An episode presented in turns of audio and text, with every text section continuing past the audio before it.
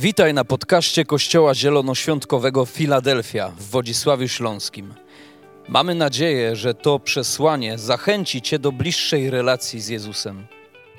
Jeżeli jesteś ciekaw, kim jesteśmy, zapraszamy Cię do odwiedzenia naszej strony internetowej filadelfia.org.pl. Do zobaczenia w Filadelfii.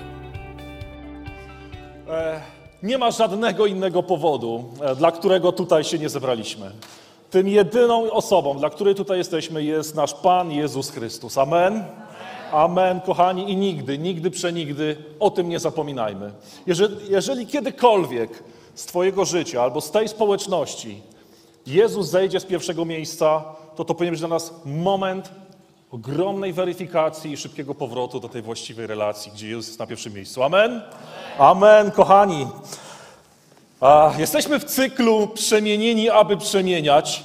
Podtytuł dzisiejszej usługi Sierp albo kosa. Kosa przez S, nie przez Z. Sierp albo kosa. Kto wie, jak wygląda sierp? Okej, no to jesteśmy w domu. A, widzę rolnicze społeczeństwo. PSL ma tu poparcie, tak? Kochani, dlaczego ten tytuł? Za chwilę się dowiemy. A, ale w myśl tego, co ogłosiliśmy na samym początku, że na pierwszym miejscu jest Jezus Chrystus, pozwólcie, że przeczytam fragment z listu do Filipian z trzeciego rozdziału, ósmego wersetu. List do Filipian, trzeci rozdział, ósmy werset.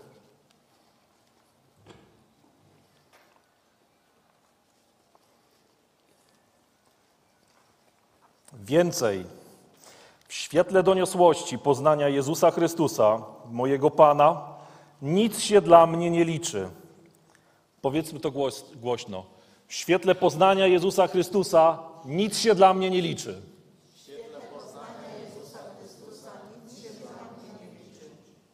Tak czuję się, pogrzeb jakiś, tak? Jakie świeć jego duszy, Panie.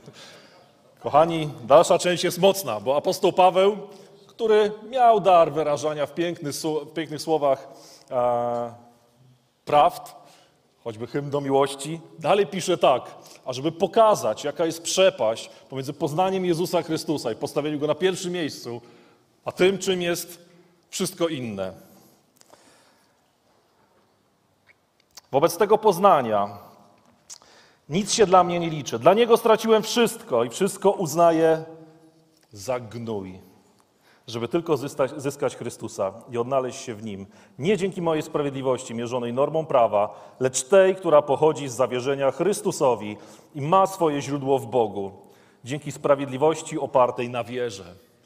Ja wiem, że to słowo może drażnić, ale on tak w obrazowy sposób pokazuje wartość wszystkiego innego w perspektywie Jezusa i poznania Jego jako osobistego Zbawiciela.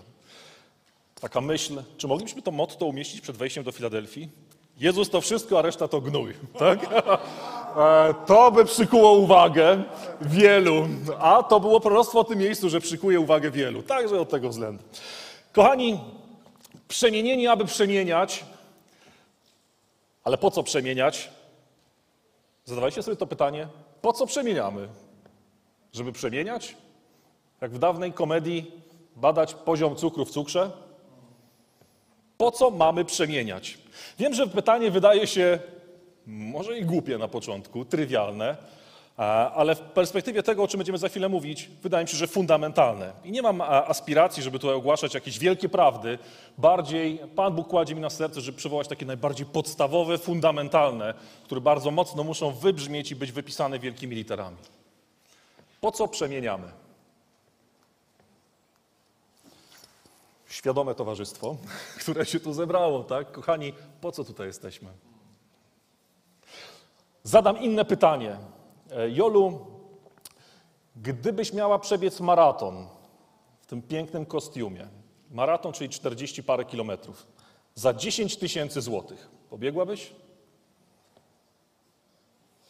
Chwila wahania dla tych, co nie widzą, szczególnie tutaj dla online.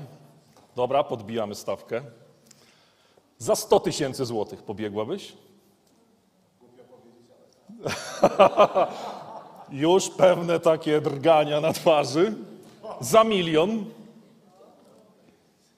Uśmiech wyraźny, oczy błyszczą jak 5 złotych. A gdyby chodziło o życie Twoich dwóch córek? Gdyby od tego, czy przebiegniesz w tym kostiumie, zależało, pięknym kostiumie dodajmy, zależało życie dwóch, Twoich córek. Po prostu stoisz przed dramatycznym dylematem. One zginą, albo Ty dobiegniesz. Biegłabyś? A kto by nie biegł? Zobaczcie, jak wielką rzecz ma pytanie sobie, po co coś robię? Dla kogo? Jaka jest cena? Takie najbardziej podstawowe pytanie o motywację. Dlaczego robię to, co robię? Kolejna zabawa z wyobraźnią. Gdyby się okazało, że wszyscy, jak tutaj jesteśmy, jesteśmy czymś zatruci, wszyscy jak jeden mąż, i antidotum jest schowane na tym przepięknie wyrównanym parkingu, trzy metry pod ziemią, to czy pastorze poszedłbyś tam kopać i ratować? Pewnie. Dłońmi? Mhm. A gdyby była obok łopata, wziąłbym łopatę. A czy ktoś miałby dylemat, a czy to się godzi? Przecież gdybyśmy mieli kopać łopatami, to Pan Bóg dałby nam ręce jak łopaty. Pewnie wielu braci ma takie ręce jak łopaty. A gdyby obok stała koparka, to czy odstawilibyśmy łopatę, ażeby kopać koparką? Dlaczego? Bo chodziłoby o życie, tak? Nie o jakieś dykteryjki, dywagacje, o życie konkretnych ludzi z imienia i z nazwiska. Rzucilibyśmy się do tego, żeby ratować ludzi i sięgalibyśmy po coraz bardziej efektywne środki. Amen? Amen. Kochani, po co my tutaj jesteśmy? Czy jesteśmy tutaj w tym miejscu, żeby się poczuć lepiej? Żeby każdy z nas usłyszał coś fajnego na swój temat? Żeby ktoś, kto nie był lubiany, był polubiany? Żeby ktoś, kto nie był akceptowany, był zaakceptowany? Żeby zyskać więcej kolegów, znajomych? To też, to też. Każdy z nas chce usłyszeć o sobie coś dobrego.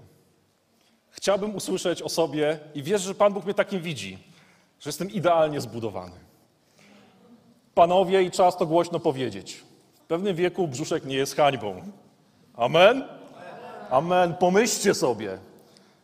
Orka, szczytowy drapieżnik mórz i oceanów.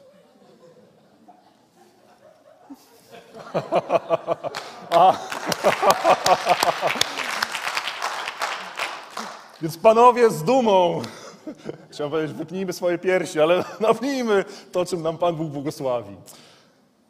A po co tutaj jesteśmy?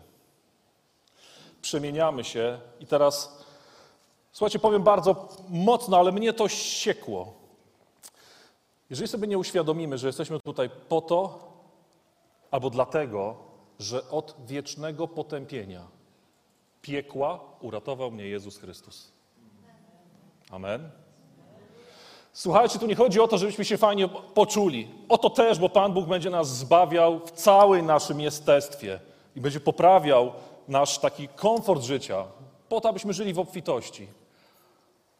Ale głównym celem, główną batalią dzisiaj, osią we wszechświecie jest podział na tych, którzy przejdą do królestwa Syna naszego Boga, Jezusa Chrystusa, do królestwa światłości, albo pozostaną w królestwie ciemności i śmierci. Tutaj nie ma neutralnej Szwajcarii. Dlaczego zadałem pytanie, co byś zrobił, gdybyś miał ratować życie kogoś bliskiego?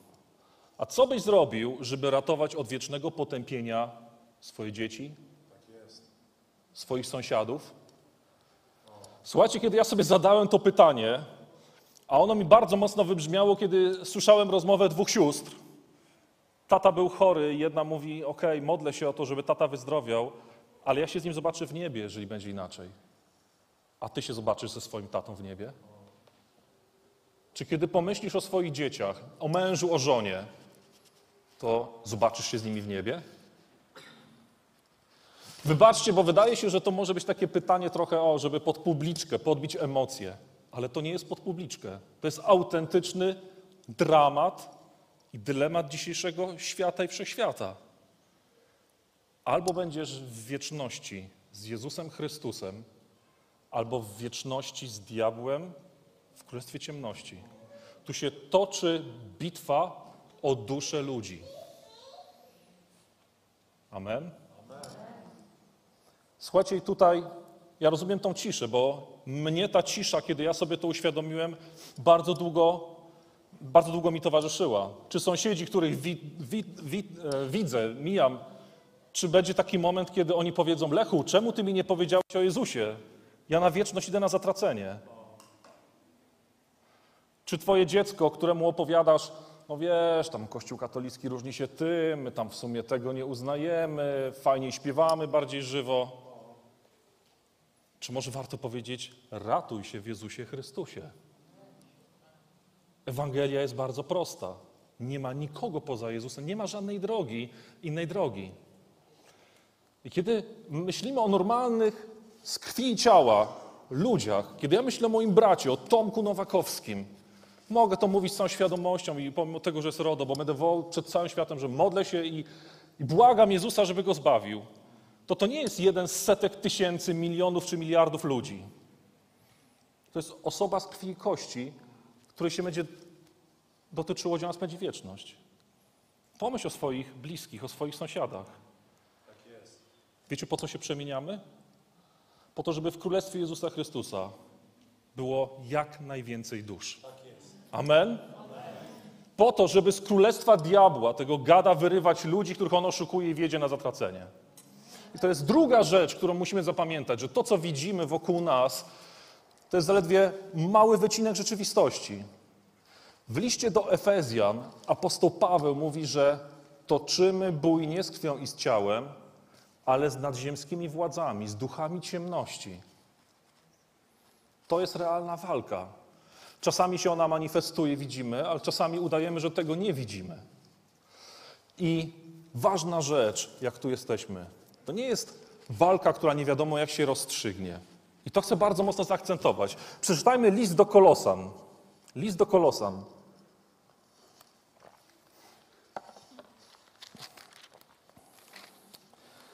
List do Kolosan. Piękne, kolorowe naklejki, tylko teraz która co oznacza? Jest. Dwa królestwa ze sobą walczą, ale jedno zwyciężyło. Zwyciężyło Królestwo Jezusa Chrystusa. I to musimy bardzo mocno sobie uświadomić. Posłuchajcie tego. Drugi rozdział listu do Kolosan, trzynasty werset. Was, mnie, was, nas, którzy schowaliśmy się w Jezusie Chrystusie, martwych z powodu upadków i nieobrzezanych we własnej cielesności, razem z Nim, czyli z Jezusem, ożywił, darując nam wszystkie upadki. On umorzył nasze długi, całą listę niespełnionych zobowiązań, skończył z nimi, gdy przygwoździł je do krzyża. Na tym krzyżu rozbroił zwierzchności oraz władze, publicznie je obnażył i powlókł w triumfalnym pochodzie. Amen? Kochani, nasz Pan Jezus Chrystus zwyciężył już Królestwo Ciemności. E, I to nie tak troszeczkę, kompletnie. W starożytności, kiedy wódz wygrywał bitwę, to wlókł swoich pokonanych przeciwników w triumfalnym pochodzie, często pod łukiem triumfalnym. I Jezus na krzyżu powlókł diabła, całe jego towarzystwo w triumfalnym pochodzie. A więc jak tutaj wszyscy siedzimy, kochani, nie musimy się martwić o to, kto wygra. My jesteśmy w Królestwie Światłości, w Królestwie Jego Syna Chrystusa Jezusa. I bardzo mocno musimy mieć świadomość, że jesteśmy święci, sprawiedliwi, oczyszczeni z wszelkich grzechów i wyposażeni do tego, żeby zwyciężać diabła, odzyskiwać to wszystko, co jeszcze on trzyma w swojej garści. Amen? Amen. Kochani,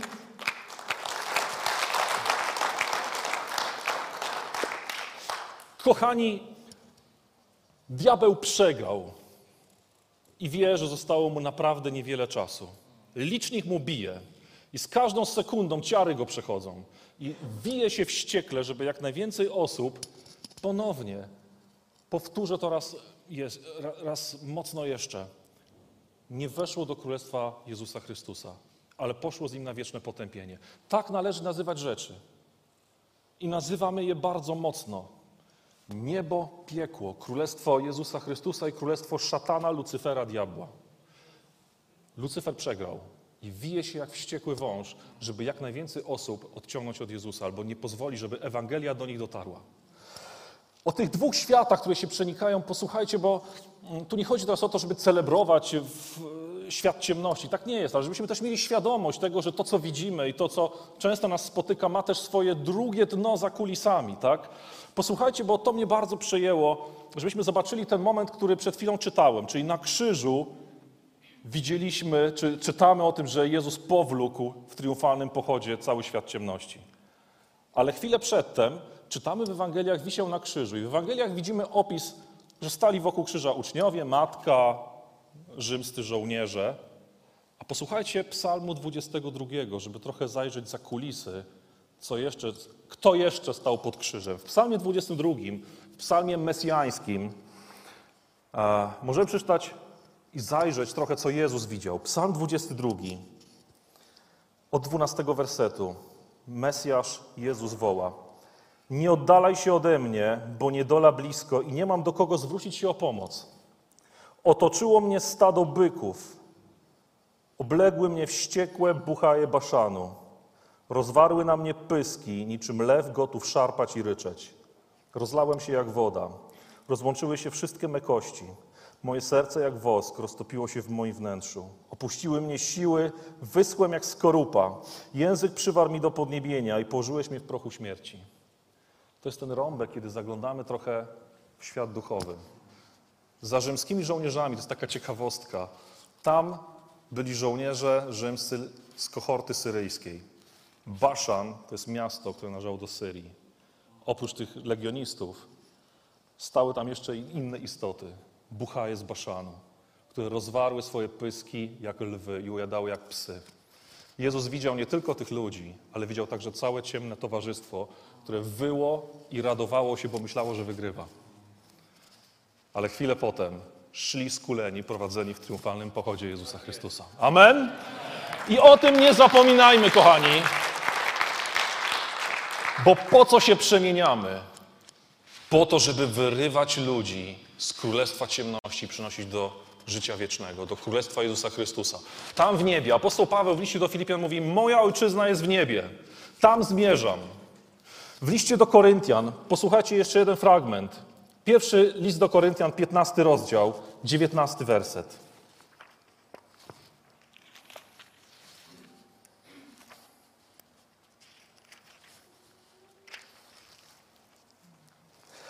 Jeśli Chrystus jest naszą nadzieją tylko w tym życiu, to jesteśmy ze wszystkich ludzi najbardziej godni pożałowania.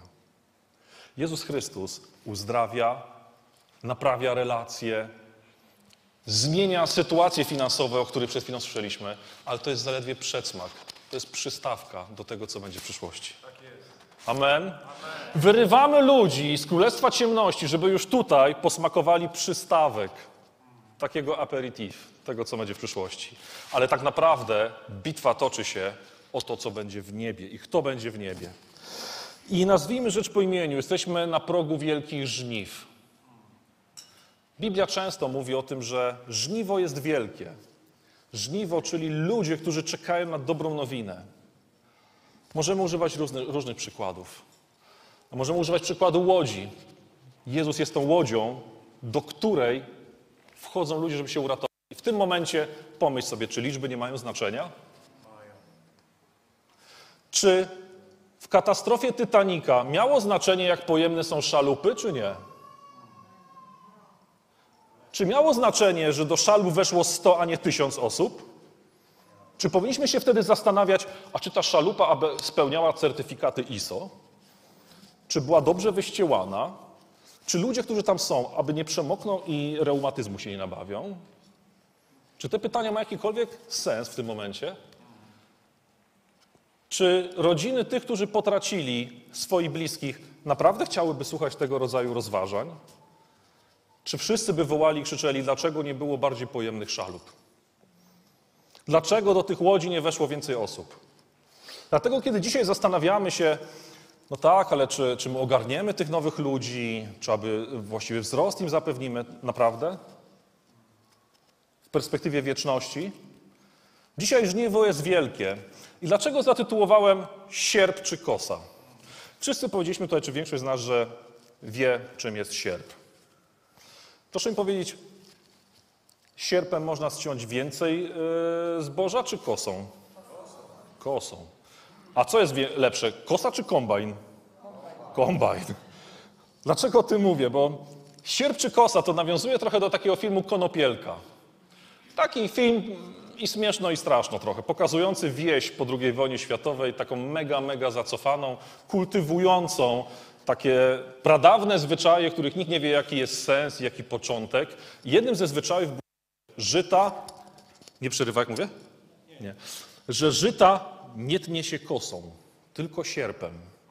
I nikt nie wiedział dlaczego. Bo zawsze tak było. Nasi ojcowie kazali, nauczyli nas, że żyto tnie się sierpem. I kiedy pojawił się chłop, który zaczął to żyto ciąć kosą, to to było wielkie świętokradztwo. Wielkie oburzenie we wsi, jak z kosą do żyta. Finalnie zabili tego chłopa, bo sierp jest święty. Kochani, dzisiaj jako Kościół, no właśnie, jakie mamy zadanie jako Kościół? Zamknąć się w takim towarzystwie, jak tutaj jesteśmy i kto wytrwa do końca ostatni gasi światło? Czy też mamy budować jak największy okręt po to, żeby wyciągać ludzi i ich ratować? Pytanie retoryczne, ale jak najbardziej praktyczne. Kochani, bo to, są, to nie są takie puste rozważania. Dzisiaj jesteśmy w szczególnym miejscu w Polsce. Tak? Mamy ten przywilej, ogromne błogosławieństwo, że nasz Kościół, Kościół, chrześcijanie w Polsce nie są prześladowani. Nikt nas do więzień nie wtrąca. Nikt nie obcina nam głów. Nikt nie pali naszych domów. To jest błogosławieństwo, ale i przywilej, ale i zobowiązanie, bo powinniśmy wykorzystać ten czas i wszystkie zasoby, jakie mamy, żeby jak najwięcej ludzi ratować. Jest taka dobra zasada. Kościół powinien się wiecznie reformować. Amen? Dlaczego tylny rząd nie odpowiada amen? Amen? Dlaczego ma się reformować? Otóż reforma czy takie odświeżanie to zawsze zadajesz sobie pytanie, czy Jezus jest na pierwszym miejscu? Czy Jezus jest w centrum? Czy mam Boże DNA, DNA Jezusa Chrystusa, które widać po owocach w życiu ludzi, po przemienianym życiu, po owocach Ducha Świętego? To jest pierwsza rzecz. A druga rzecz, czy Kościół jest efektywny? Wybaczcie ten zwrot. Możemy nazwać owocny. Czy jest efektywny w łowieniu ludzi? Czy jest efektywny na żniwach? To jest pierwsze pytanie. Dlaczego? Dlatego, że apostoł Paweł w liście do Filipian, kiedy siedział w więzieniu i był oskarżony o głoszenie Ewangelii, wielu ludzi to zachęcało, ale byli też tacy, którzy celowo propagowali Ewangelię, żeby zaszkodzić Pawłowi. Co robi Paweł? Nieważne. Ważne, żeby wszelkimi sposobami głoszony był Jezus Chrystus. Żeby wszelkimi sposobami był głoszony Jezus Chrystus. I my jako Kościół dzisiaj w Polsce w 2021 roku, jako Kościół Filadelfia musimy zadać sobie pytanie, czy to, co robimy w tej chwili jest najbardziej efektywne w pozyskiwaniu ludzi. Czy jesteś najbardziej owocny? Jeżeli jesteś przed e, komputerem, zadaj sobie pytanie, czy w Twoim osobistym życiu jesteś jak najbardziej owocny i efektywny w ratowaniu ludzi do wieczności. No, nazywajmy rzecz po imieniu. Czy też jesteś troszeczkę jak w tej konopielce, bo sierpem się żyta nie kosi. Podam przykład. Kościół musi się zawsze, zawsze reformować. E, Zanim ten przykład, jeszcze jedna bardzo ważna rzecz. Kościół jest oparty na Duchu Świętym. Kościół się zrodził w Dniu Zielonych Świąt, kiedy Jezus swoje miejsce przesłał nam Ducha Świętego, tak? W liście do Tymoteusza jest napisane, że Duch Święty jest duchem mocy, miłości i zdrowego rozsądku. Celowo tutaj nie rozbudowuję tego aspektu mocy i miłości, bo bardzo dużo o tym mówimy, ale akcentuję to, żeby nikt nie wyciągnął opacznego wniosku, że teraz będziemy stawiać tylko na rozsądek, a miłość i moc. Nie, nie, nie, nie. Kościół bez miłości jest martwy, jest karykaturą. Kościół bez mocy jest niewydolny. Ale Pan Bóg dał nam także ducha zdrowego rozsądku. W Izajasza jest powiedziane o Jezusie, że spocznie na nim duch Pana, duch mądrości i rozumu.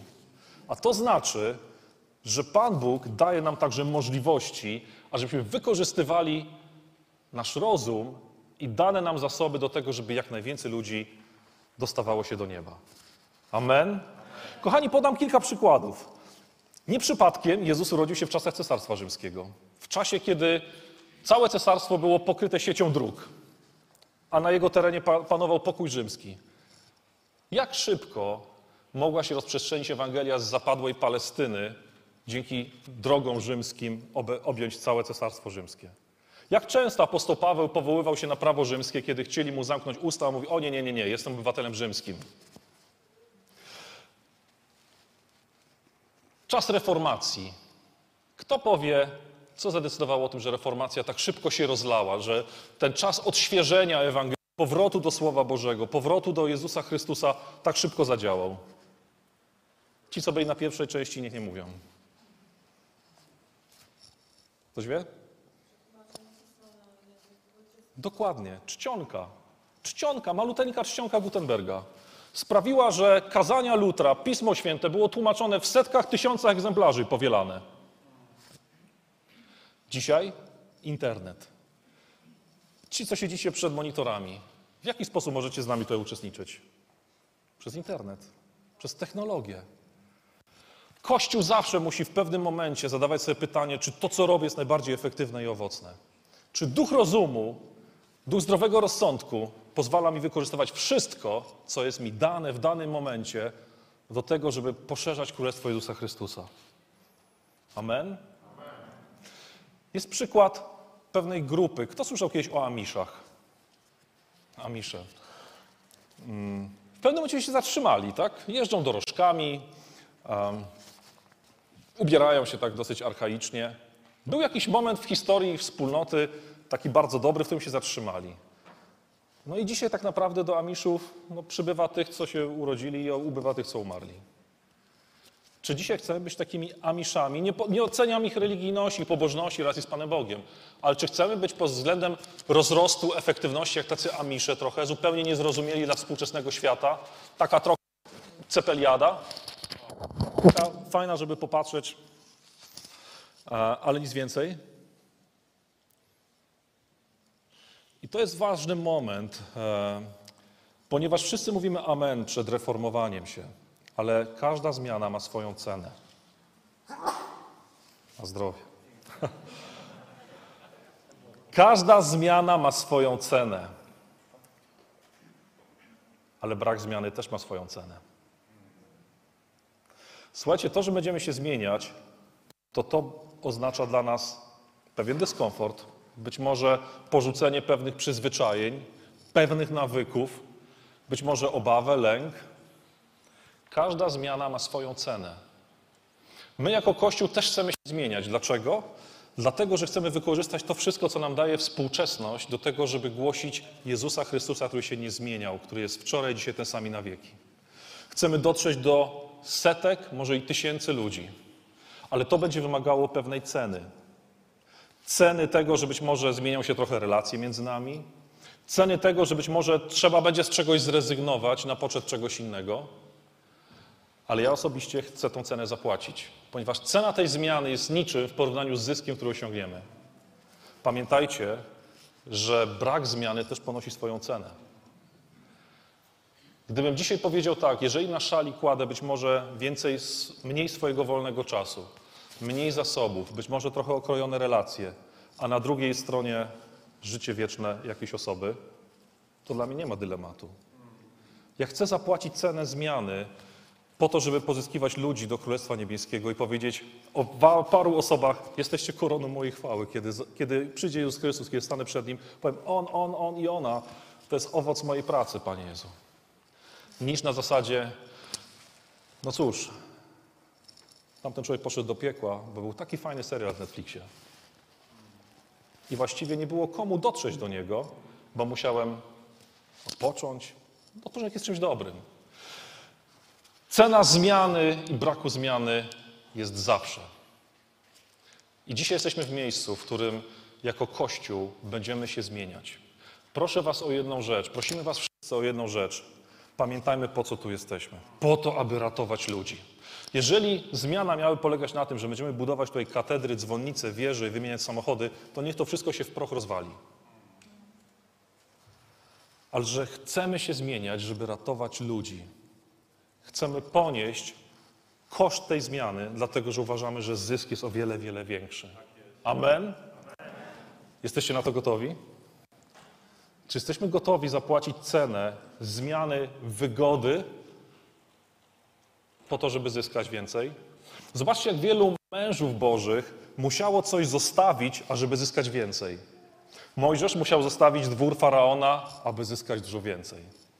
Paweł zostawił karierę faryzeusza, ale finalnie zyskał dużo więcej. Przykład Piotra, który opuścił bezpieczną łódź, aby wyjść po wodzie. To, co jest fascynujące, to w momencie, kiedy opuszczali bezpieczne miejsce, miejsce swoich przyzwyczajeń, wygody, może i relacji, zawsze się wiązało z pewnym zaufaniem Panu Bogu, z pewnym wejściem w nieznane. Jedyne, co było znane, to tylko dobroć Boga i Jego moc. I dzisiaj też znamy tylko dobroć Boga i Jego moc. Ale potem żadna z tych osób nie chciałaby już chyba wrócić do punktu wyjścia. I my dzisiaj też chcemy ruszyć w nieznane po tysiące ludzi, po to, żeby już za rok, za dwa, za trzy uśmiechnąć się tylko na myśl o tym, ale my mieliśmy dylemat. Dzisiaj cieszymy się z setek ludzi. Amen. Kochani, jedna rzecz się nie zmienia. Nie zmienia się Jezus Chrystus. To jest wczoraj, dzisiaj ten sam i na wieki wieków. Nie zmienia się siła Jego Ewangelii. Bo ta Ewangelia i człowiekowi ubranemu w tunikę w starożytności, i dzisiaj człowiekowi ubranemu w kombinezon kosmiczny jest tak samo potrzebna. To jest ciągle ten sam człowiek, który potrzebuje ratunku w Jezusie Chrystusie, żeby z nim spędzić wieczność. Jedyne, co się zmienia, to narzędzia, którymi będziemy docierać. I chcemy szukać najlepszych.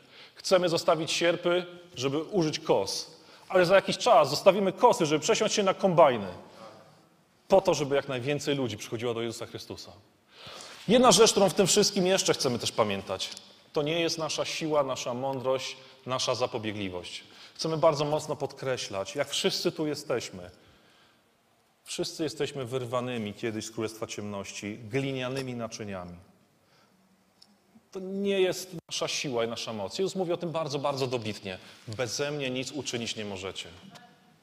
Beze mnie nic uczynić nie możecie. Jeżeli kiedykolwiek zobaczycie, zobaczymy wszyscy razem, że zaczyna się coś dziać bez Jezusa Chrystusa, gdzie Jezus znika z pierwszego planu, to to powinien być dla nas alarm. Bez Niego nic zrobić nie możemy, ale z Nim możemy zrobić wszystko. Jesteśmy glinianymi naczyniami wypełnionymi Jego mocą i do tej mocy się odwołujemy po to, żeby pozyskiwać jak najwięcej ludzi do Królestwa Bożego. I ostatnia cytat, to nie jest cytat apostoła, to jest cytat człowieka, którego bardzo cenię. Winston Churchill. Słyszeliście kiedyś o Winstonie Churchillu? Fenomenalna historia. Człowiek, który się zmagał z depresją, a stał na czele wolnego świata walcząc z Hitlerem. Powiedział jedną rzecz. Każdy ma to, na co się odważy.